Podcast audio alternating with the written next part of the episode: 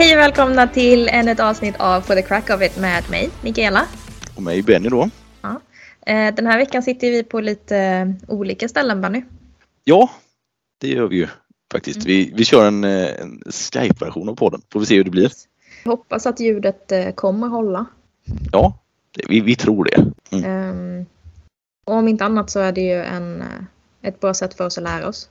Ja, ja, precis. Så att vi inte blir så känsliga för det här när saker sker som gör att vi inte kan vara på kontoret samtidigt. Så det kan ju vara bra. För du, eh, du blev ju lite sjuk. Ja, faktiskt. Det är inte så länge sedan jag var sjuk med en liten vanlig influensa så här, men i början på den här veckan så fick jag lite symptom igen och den här gången kändes det lite annorlunda mot vanliga förkylningssymptom. Tyckte det var mycket ledvärk så jag, jag tog ett litet covid-test. Och mycket riktigt så har vi åkt på den, den beryktade coviden här så att säga. Så att nu är både jag och grabben lite dåliga hemma så att vi har isolerat oss. Det är absolut inga stora symptom. Jag är i stort sett helt frisk. Lite så här, man låter lite förkyld och jag har lite småont i kroppen men mer än det så är det inte så farligt. Men man ska ju ta sitt ansvar och hålla sig borta som man säger. Precis, Jag sitter hemma hos mig. Mm. För att, varför ska jag sitta på klinik? Ja, precis. Varför ska jag vara på jobbet när inte chefen är där? Eller hur? Mm. Får ju vara smart. Så att eh, hela den här veckan har ju min, min tankeverksamhet gått åt till att komma på hur vi ska kunna podda. Eh, och det visade sig att det var inte alls krångligt. Så jag har inte hunnit tänka på något eh, ämne. Men Nej. då sa ju du att vi hann ju bara gå igenom nederdelen av kroppen på eh, idrottsskador förra veckan. Eh, så att vi, vi hoppar väl in på eh, övre extremiteter. Ja, det blir liksom lite händer, armar, kanske lite armbåge och Mm. nacke. och Så här. Vi får se lite hur långt vi kommer. Vi, vi pratar om lite olika saker i alla fall. Har du något eh, första förslag? Ja, men vi börjar längst ut. Så vi, vi börjar lite med fingrarna. Mm. Vi göra. Och det, Stukat finger? ja, precis. Stukat finger. Helt klart. Och det ligger lite så här nära till hands för mig själv eftersom jag har en son som spelar handboll. Och där är det ju liksom, ja, det är ju en raritet när man har en, en träning när någon inte bara aj, aj, aj, aj, så liksom har stukat ett finger eller sådär. För det, det, det händer lite titt som tätt. Gör det. Och det är ju, vad ska man säga, fingrarna är ju otroligt smidiga när det gäller, alltså, dumt det låter, men fingerfärdighet, alltså det att man ska göra saker. Alltså sådär, man, man ska fixa små grejer sådär. Men i och med att man har den finstiltheten så tappar man ju lite i stabilitet istället. Mm. Framförallt om man då ska försöka göra de sakerna samtidigt, att du ska vara fingerfärdig och stabil på samma gång, är inte så jävla lätt. Det som är lite speciellt med, med fingrarna och sånt där också är att du dels har du, du har lederna och sånt i, i händerna givetvis och i fingrarna. Men mycket av muskulaturen som styr själva funktionen sitter ju under armen så du har ganska lång hävstång ut till de aktiverade områdena. Givetvis inte alla delar men många av böj och sträckmusklerna till framförallt fingrar sitter ju egentligen uppe i underarmen. Och det, det är ju bra för att vi får ett bättre grepp utav det men som allting annat när du har en längre hävstång så finns det också högre negativ kraft som kan utvecklas. Precis. Sen är ju fingrarna lite speciella rent eh, ledmässigt. För att fingrarnas eh, leder är ju funktionella gångjärns... Eller inte gångjärn, förlåt. Jo, funktionella... Fick du mig att bli orolig för att du sa nej? Var, jo det är det väl? Nej men jag Ja. tänkte, men anatomiska eh, kulleder. Right? Ja, right. Så att alla är med på att axelled och höftled är en kulled och har därför jättestort rörelsespann. Exakt. Eh, En gångjärnsled har typ armbågen. Man kan röra den åt ett håll. Fram och Ja, tillbaka precis. i samma led. Liksom. Det, finns lite smågiv åt andra håll men den, den primära basrörelsen är ju fram och tillbaka. Fingrarna ser ju helt ledmässigt ut som en kulled. Ja. Alltså har potentialen till att kunna röra sig åt alla möjliga håll och kanter. Precis. Men är ligamentärt stabiliserade att styra i gångjärnsfunktion. Ja, helt riktigt. Och det gör ju att de är ganska utsatta. Ja, precis. Jo, det är ju det. Alltså, ja, Det finns ju liksom inget benstopp i sidled. Utan alltså, det är du- bara ligament. Liksom. det är så att du kan vrida dem åt alla håll men de gillar det inte. Och, och det blir ju jobbigt då när man kommer och, och det ska vridas åt alla håll, eller åt fel alla håll, Precis. med kraft. Mm. Och det är då man ofta stukar eller sådana saker. Båda mina lillfingrar är ju superkrokiga. Supertråkigt. Eh, jo, men de, de går ju som säten. Eh, för att jag var målvakt i fotboll när jag var liten. Ja, just det. Och eh, tog eh, framförallt på min högra hand eh, så tog jag en boll rakt på lillto- äh, lillfingers liksom spetsen. Mm, just det. Det, så att det blir en kompression liksom. Bobonk. Ja, precis. Trycks ihop. Ja, men precis. Så jag kan ju fortfarande inget så här mellanläge. Den hoppar ju. Ja, precis. Du har inte där, eh, ingen eh, lyktstolpe-grej utan du viker ihop direkt. Ja, precis. Jag kan, jag kan så här böja lite, lite, men sen kommer jag till en gräns där det bara klick. Det är jättejobbigt när jag spelar tvärflöjt. ja, precis. Vissa noter är liksom så här, no, det går inte. Alltså min, min tvärflöjtslärare, han, han var så sur på mig. Jag bara, men jag kan inte. Den är sabbad. Det kan ju vara lite så också när du, när du har en person som, som din flöjtlärare då som är en värld av musik som kanske aldrig har äventyrat sina fingrar ever.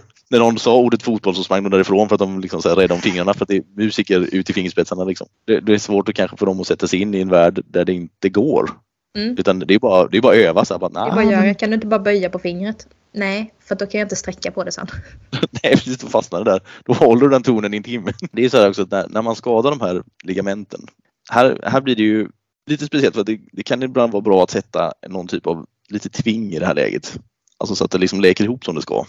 Så man inte får de här klassiska dippfingrarna så att de yttersta lederna dippar ner för att man, man har blivit av med ligamentstödet där. För att, ja, för att även om man skadar de delarna, man kan fortfarande använda fingret ganska bra ändå. Men det behöver liksom läkas i en bättre position. Och då, finns det lite olika sätt man kan göra. Alltså, dels kan man ju tejpa. Klassiken är ju ett tvillingförband.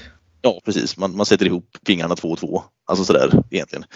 Vilket kan vara, jag brukar rekommendera det framförallt till våra handbollsmålvakter som vi har. att ja, Sätt ihop tejp och då, då kan du till och med tejpa lite emellan gångjärnsleden om du vill. Så att du får mer böjförmåga i fingrarna men att du fortfarande har stabiliteten. Så där. Det kräver lite mer och man får förstås klippa tejpen för att det ska bli bra. Men hellre det än att man ska stukas hela tiden. Va? Mina bandymålvakter hade ju en period, jag vet inte om de fortfarande har det. Jag har inte varit i killarnas omklädningsrum på ett tag.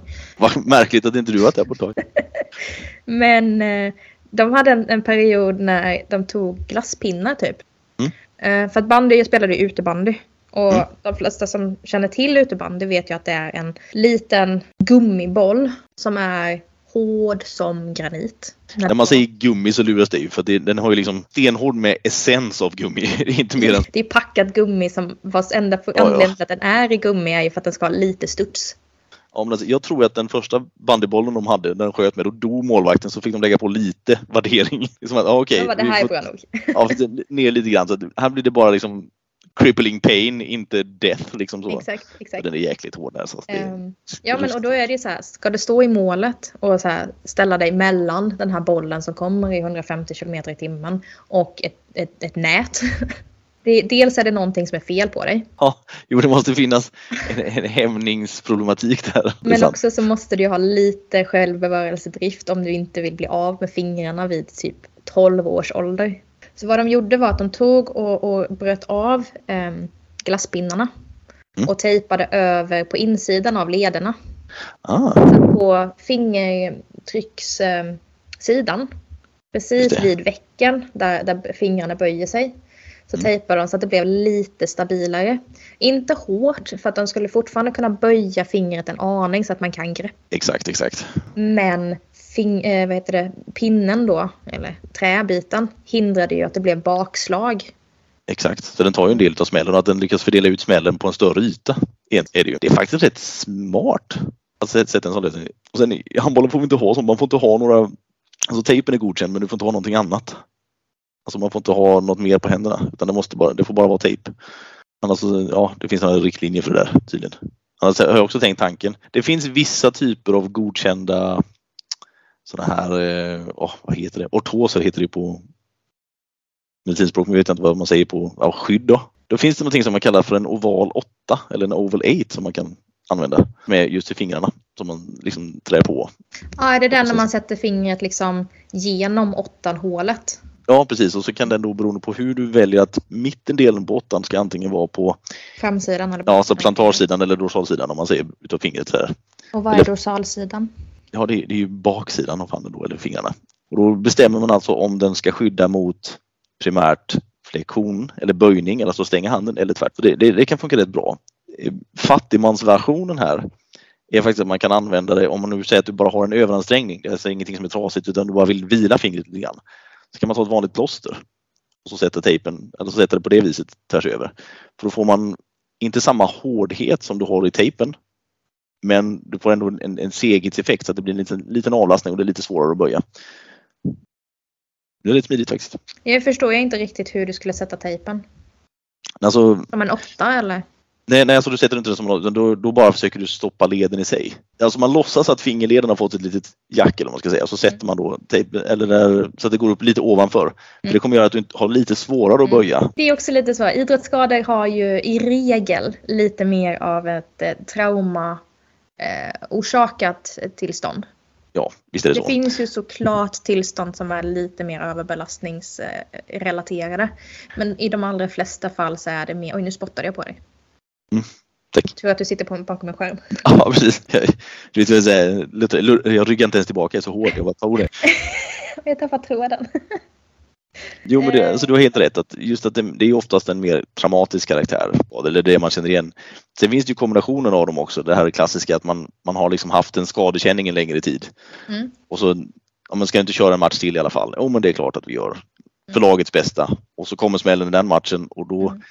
då var man i ett försvagat läge för man har, ja, man har nonchalerat den här skadan lite länge. Och då kanske det inte kräver samma trauma. Utan kanske lite lättare smäll och det går illa ändå. Men ja, det är lite, på något vis är det en liten del av idrotten. Eller har blivit. Alltså, eller jargongen där att man, ja, lite ont kan man ha. Och var går gränsen för jag har så pass ont att jag måste vila och jag har eh, normal ont? Precis, och det, jag vet, jag har, en- har en kusin som spelade fotboll väldigt länge. Alltså innan han blev tränare och sånt där. Och han fick en ganska ful tackling vid ett tillfälle och liksom bröt flertalet ben i foten. Alltså det blev en riktigt ful sån här skada om man säger. Mm. Och det här var ju kanske i, ja, alltså han hade passerat 35 någonstans där och fortfarande spelade. Vilket är helt okej när man spelar på lägre nivåer och sådär. Han läkte ihop och allt sånt men har ju fortfarande då, alltså det är ju ont att spela. Alltså nu, nu har han ju lagt av för det här är ganska många år sedan men i alla fall. Han fortsatte spela sen efteråt. Men det var ju så att en match, sen var han ju nästan konvalescent en vecka. Liksom efter det där. Konvalescent. Ja, alltså inte kunde, alltså kunde knappt gå. För att han hade så ont sen då efter en match. Alltså, för foten är, den är ju läkt men den är ju inte riktigt som den var innan. Alltså den har läkt ihop men den har tappat vissa funktioner Nej. sådär va. Såklart. Han är också över 35. Ja precis. Men det, som blir lite grann som man nästan kan se, du får ursäkta om du hör här, men är ju att man får så mycket klappar på axeln. Liksom, har du genomfört matchen trots att du mår så där dåligt? Men det kanske inte riktigt är värt det egentligen. Men ja, man höjs upp lite tack vare det där. Men det har vi ju pratat om tidigare. Jag vet inte om det... Jag ska vara helt ärlig, jag vet inte om det fick vara vara med i den podden. Det finns en trend hos framförallt då, och det, det, framförallt säger jag för att det är det jag har erfarenhet av. Så jag vet inte hur det är i andra idrotter eller i singelidrotter eller liknande. Men framförallt fotboll och eh, andra lagidrotter. Eller liknande lagidrotter åtminstone Amen. så finns den här förväntningen av typ stukning. Det är ingenting. Det är inga konstigheter. Det är klart du är med på träningen på torsdag om du stukade foten på matchen på söndags. Ja, precis. Och det spelar ingen roll hur svullen du är. Stukning kan du fortfarande träna på. Och man förväntar sig att den här personen eller lagspelaren ska vara på träningen och ska spela nästa match. Och det leder ju till mer skador och mer besvär. Ja, Min syster gjorde ju det här. Jag fick ju sitta och barnvakta henne. Alltså hon var ju en bra bit över 18. Höll henne i handen för att hon hade stukat foten så illa. Den hade inte fått den eh, vården hennes fot behövde i situationen. Och knappt något omhändertagande efteråt heller. nej just det. Eh, för att hon ville inte. Hon tyckte det var oskönt att ha kvar lindan som jag satte på. Och jag bara ja, den, är rätt oskön. Det är inte alls skönt. Det är så här, du måste bli av med svullnaden. Um, det är inte mitt fel att du är korkad. um, men då fick jag ju sitta och hålla henne i handen för att hon ville ju ändå gå på träningen för att det gör man. Ja. Jag respekterar det, det är inga konstigheter. Jag är uppvuxen på samma sätt. Man går jättegärna på träningen och är en del av laget ändå, även om man inte kan. Man kanske kan göra lite sit-ups eller armhävningar eller sådana saker. Köra fys vid sidan om. Inga konstigheter, gör det. Men respektera din jävla skada. Ja, eller hur? Eller hur? Det, det är viktigt. Man ska respektera, även småskador ska ha sin respekt. En småskada som är klassad som en småskada i, för gemene man är inte nödvändigtvis en småskada. Nej, det är väl kanske det vi måste skulle egentligen avskaffa för, alltså vi ska bara säga skada. Ta bort de här benämningarna. Ja, men en liten stukning, så här, nej det är en stukning. Så att det får den tiden för man kan komma in i det här lite negativa av att ja, men en liten sak blir gärna en större liten sak och gärna en stor sak. Och så, det, så att det förstör mycket mer bara för att hade du väntat där första veckan eller två kanske det aldrig blev något mer. Nej. Men du väntade inte utan du lät det liksom bygga på och så körde på. Va? Och då ja, går man från ett litet problem till ett stort problem bara på grund av envishet egentligen. Ja, men och ska man dra det till sin ytterlighet när det gäller stukningar, alltså rejäla stukningar där du kanske får en total ruptur av ligamenten och du därför mm. inte längre har någon stabilitet i över den här leden. Skitsamma vilken led. Vanligast är ju när man tänker fotboll, fotleden, men ja. det spelar ingen roll. Har du inte kvar den stabiliserande eh, ligamentet så kommer du vara utsatt för att dels hoppa, få, eh, vad heter det, att leden i sig hoppar ur led eller att du bryter benet runt omkring det mycket, mycket lättare för att du har ingenting som stabiliserar dig från att komma ut i farliga ytterlägen. Ja, precis. Och det i sin tur, lycka till att komma tillbaka från en fraktur smidigt. Ja, nej, frakturer ska man helt hålla sig borta ifrån. Men det gäller ju allt, alltså så här, typ folk som har haft um, ledluxationer, eh, alltså leder som hoppar ur led i axelleden. Mm. Har ju en ökad eh, prevalens eller risk att det händer igen. Ja, att visst. de blir överrörliga och att det börjar hända mer och mer och mer och mer. Mm. Och säg då att du, du är en sån din axelled har hoppat ur led några gånger och sen så helt plötsligt i skidbacken eller whatever. Du åker snowboard, du tar ett dåligt fall och du bryter leden. För att det finns ingenting som stoppar dig. Nej precis, ingenting kan ta smällen innan utan du får full force rätt in dig ja. där det inte ska vara så att säga. Ja. En, en fraktur i axelleden ger ju dig i regel ett gott utfall, 20% mindre rörelse. Det är ganska precis. mycket. Det är ju det, i någonting som man förväntar sig bara kunna funka. Sådär va? Så ja. Disclaimer, du kan få tillbaka så att du har 90-95% av ursprunget och du kan också vara, om du inte gör dina övningar, ha typ 30% av rörelsen. Allt det här i variation. Precis, men säg det så att om man nu säger att du ska få tillbaka de här 95 procenten som du nämner. Det är ju inte så att du bara får det till skänks. Nej det blir ett jävla slit med rehab och sånt där för att du ska lyckas komma dit i så fall. Va? Och om man sätter det i samröre med att försöka vara lite försiktig och noggrann med saker redan innan så att du inte hamnar där så är det ju fasen så mycket billigare för dig, alltså smärtmässigt och tidsmässigt, att jobba lite mer förebyggande och vara lite snäll mot dig själv. För det, ja, det, vi, vi, har nämnt det här någon gång tidigare också, vi pratade om det här med operationer och sånt där. Att man tar för givet att saker och ting blir så bra. Att det är så enkelt. Ja, man ska bara in och fixa en fraktur. Så bara, ja, Fast det hade varit rätt nice att inte ha den ändå. Alltså, så, man vet ju aldrig. Med det sagt, det är inte alltid man kan undvika det. Alltså så här, du blir sparkad nej, nej. på smalbenet av en häst. Ja. Det har mm. ingenting med din dåliga hantering av din, din fotled att göra. Du kan ha kört hur mycket rehabträning som helst. Om du får en spark av en häst så är det rätt kört ändå. Men i de situationer som vi pratar om rent i det här sammanhanget så kan man ofta, eh, om man jobbar rätt inför eller efter en initial skada så Nej, behöver det inte bli värre skador efteråt. Nej, exakt. Eh, för många, många, många år sedan.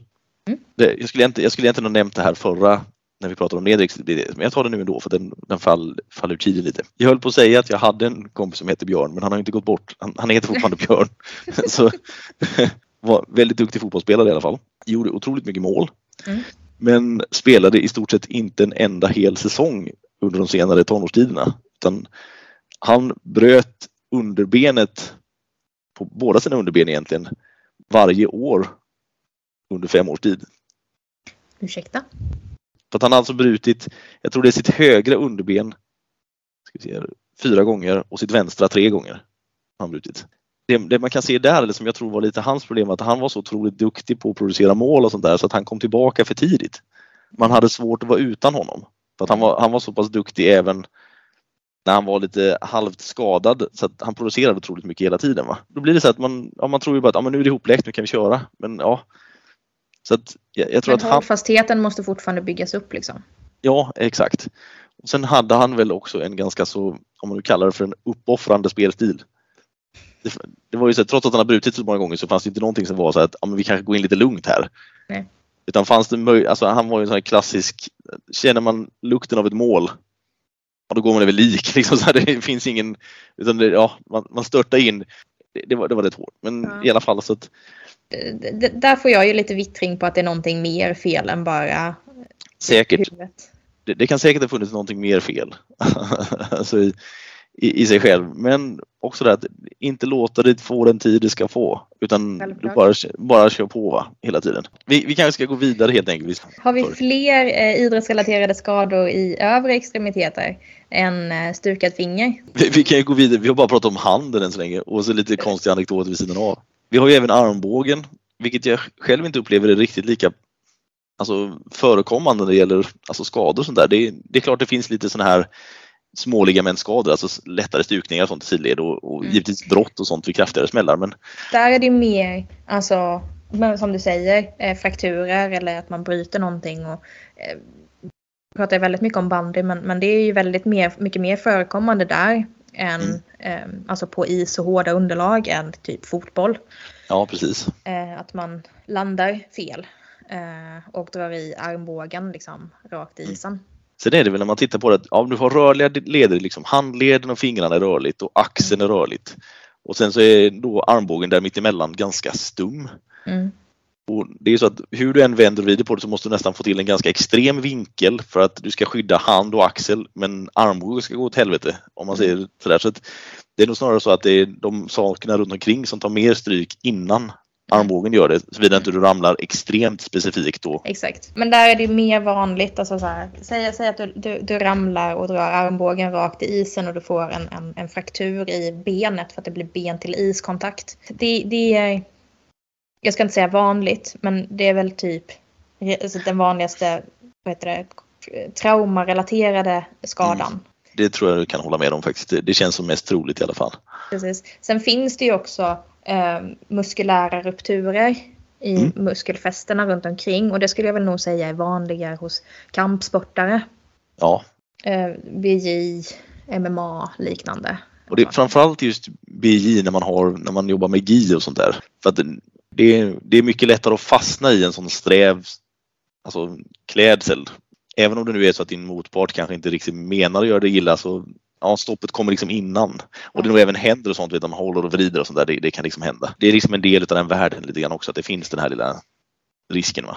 Ja, ja, men lite så. Men så att armbågen har vi inte jättemycket att prata om. Nej, vi kan skutta vidare upp till axeln.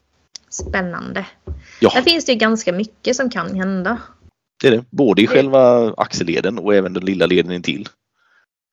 Klavikeln. Ja precis, akromikulavicularleden om man säger så, den lilla på.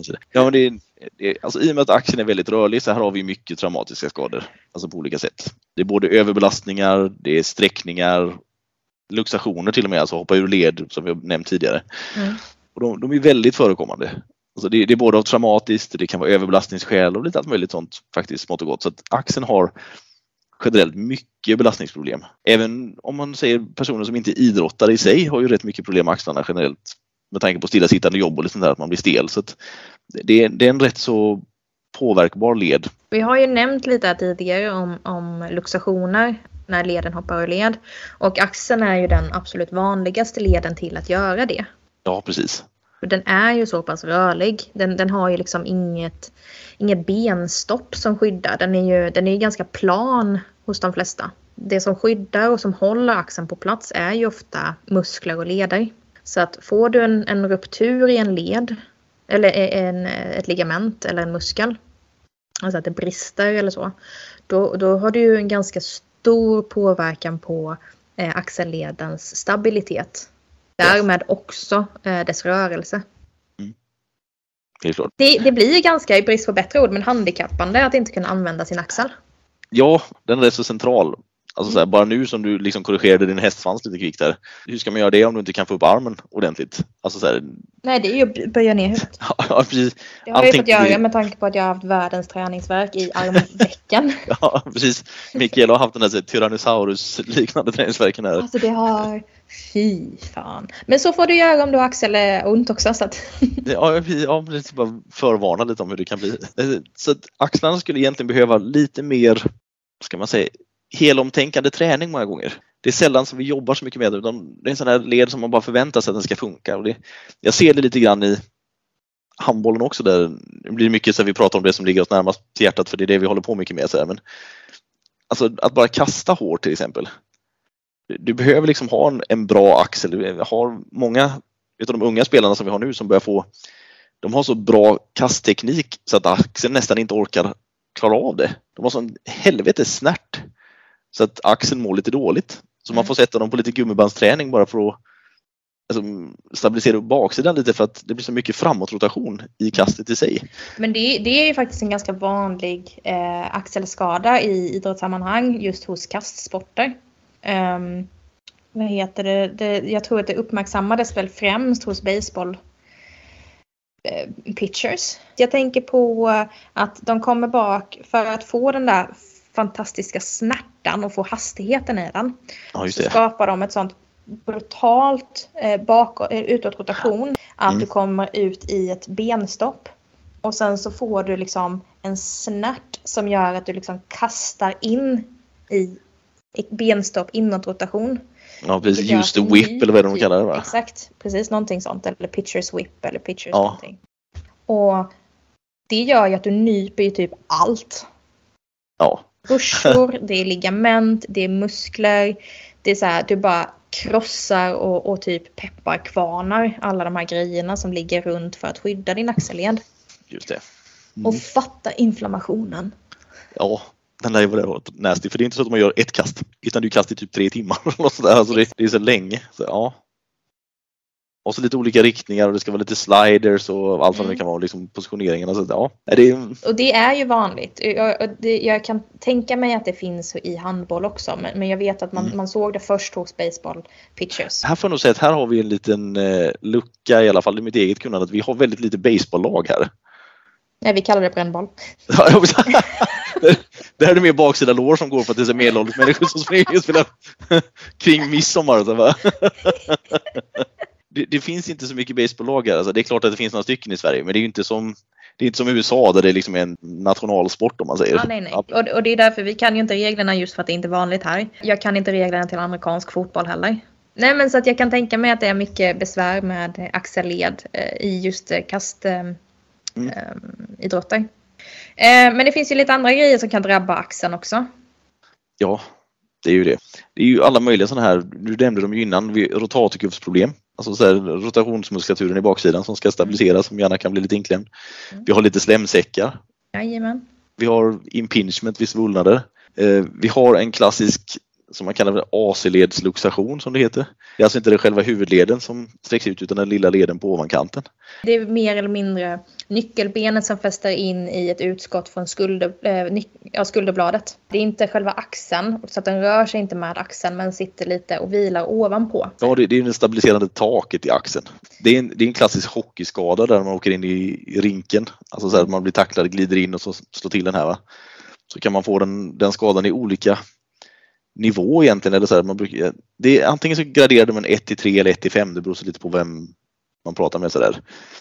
En, när jag skadade den leden för många år sedan på ett kampsportsplats då var det 1 till 3 och 44! Så det är jättehårt. Men jag, jag fick en uttöjning av ligamenten i alla fall. Så att ingen, ingen ruptur, men det var en uttöjning så det var en svag tvåa kallade läkaren det i alla fall. Och du bara ej! Ja, jag drog i igen så här, nu då, här ska vi alltid vara värst. Sen, och det gör ju att det stabiliserar upp sig igen. För att ligamenten sträcks ut lite men med tid och med lite träning så blir det bra igen. Va? Däremot om man då får en trea eller på den andra graden en femma, det är ju när alla ligamenten går av. Alltså du slår av dem allihop. Och då, då läker de ju inte. Alltså, utan då måste du stabilisera upp det på annat sätt och då får man ju det här att det sticker upp lite grann. Den hålls inte ihop utan man får som en jag har en kompis som lirar hockey som säger att ja, men det är hans klädhängare. Alltså att man kan hänga en galge på den för den sticker upp så jäkligt hela tiden. Och visst, estetiskt är det inte jättevackert men det, det funkar. Mm. Mm. Så de, de skadar vi. Det, det är mycket stabiliseringsträning och sånt där som man kan göra. Ja, det är ju bara att stabilisera. Det är ju alla de tråkigaste övningarna. Sen, det här är väldigt viktigt. Det är många som missuppfattar det här faktiskt när man pratar med dem. Och det, det, det är att tro att att en stabil axel ska vara en stel axel. Så det är inte så, jag, jag träffade någon kille för länge sedan som trodde att han var immun mot att dra axeln ur led bara för att han körde så himla mycket styrkelyft så han knappt kunde liksom klia sig på ryggen. Men det är, det är inte riktigt det det hänger på utan Ja. Nej, sen är väl sannolikheten att han drar den ur led ganska låg. Däremot ja. att han typ sliter sönder någonting. Du får ju annat istället. Så att vill du ha en fungerande och bra axel så är ju aldrig ytterligheterna någonting att sträva efter. Nej, Alltså man får ju ligga lite där i mellanmjölken. Ja precis, det ska liksom vara stabilt, det ska vara starkt och mellanmjölken. Så här, disclaimer, vi vill inte att ni ska badda axeln i mellanmjölk, det är inte det vi menar. Det finns inga bevisade effekter av att man badar i mellanmjölk, att det ska liksom minska axelskador. Nej. Det, det är ju så här det svenskaste man kan göra, vara lite lagom. Och då är ju mellanmjölk det. Det, ja, lite lagom. Ja, precis. Och, och det är precis där som, som kroppen egentligen mår som bäst. Du har minst krämpor. Du svarar bäst på behandlingar. Du, har inte, du drabbas inte riktigt lika ofta av sjukdomar. Eh, du har den bästa funktionen. Sen kan man ju vara så här så att man går lite till det extrema eller lite till det min, underextrema. Och vill du vara elitidrottare då måste du vara på det extrema.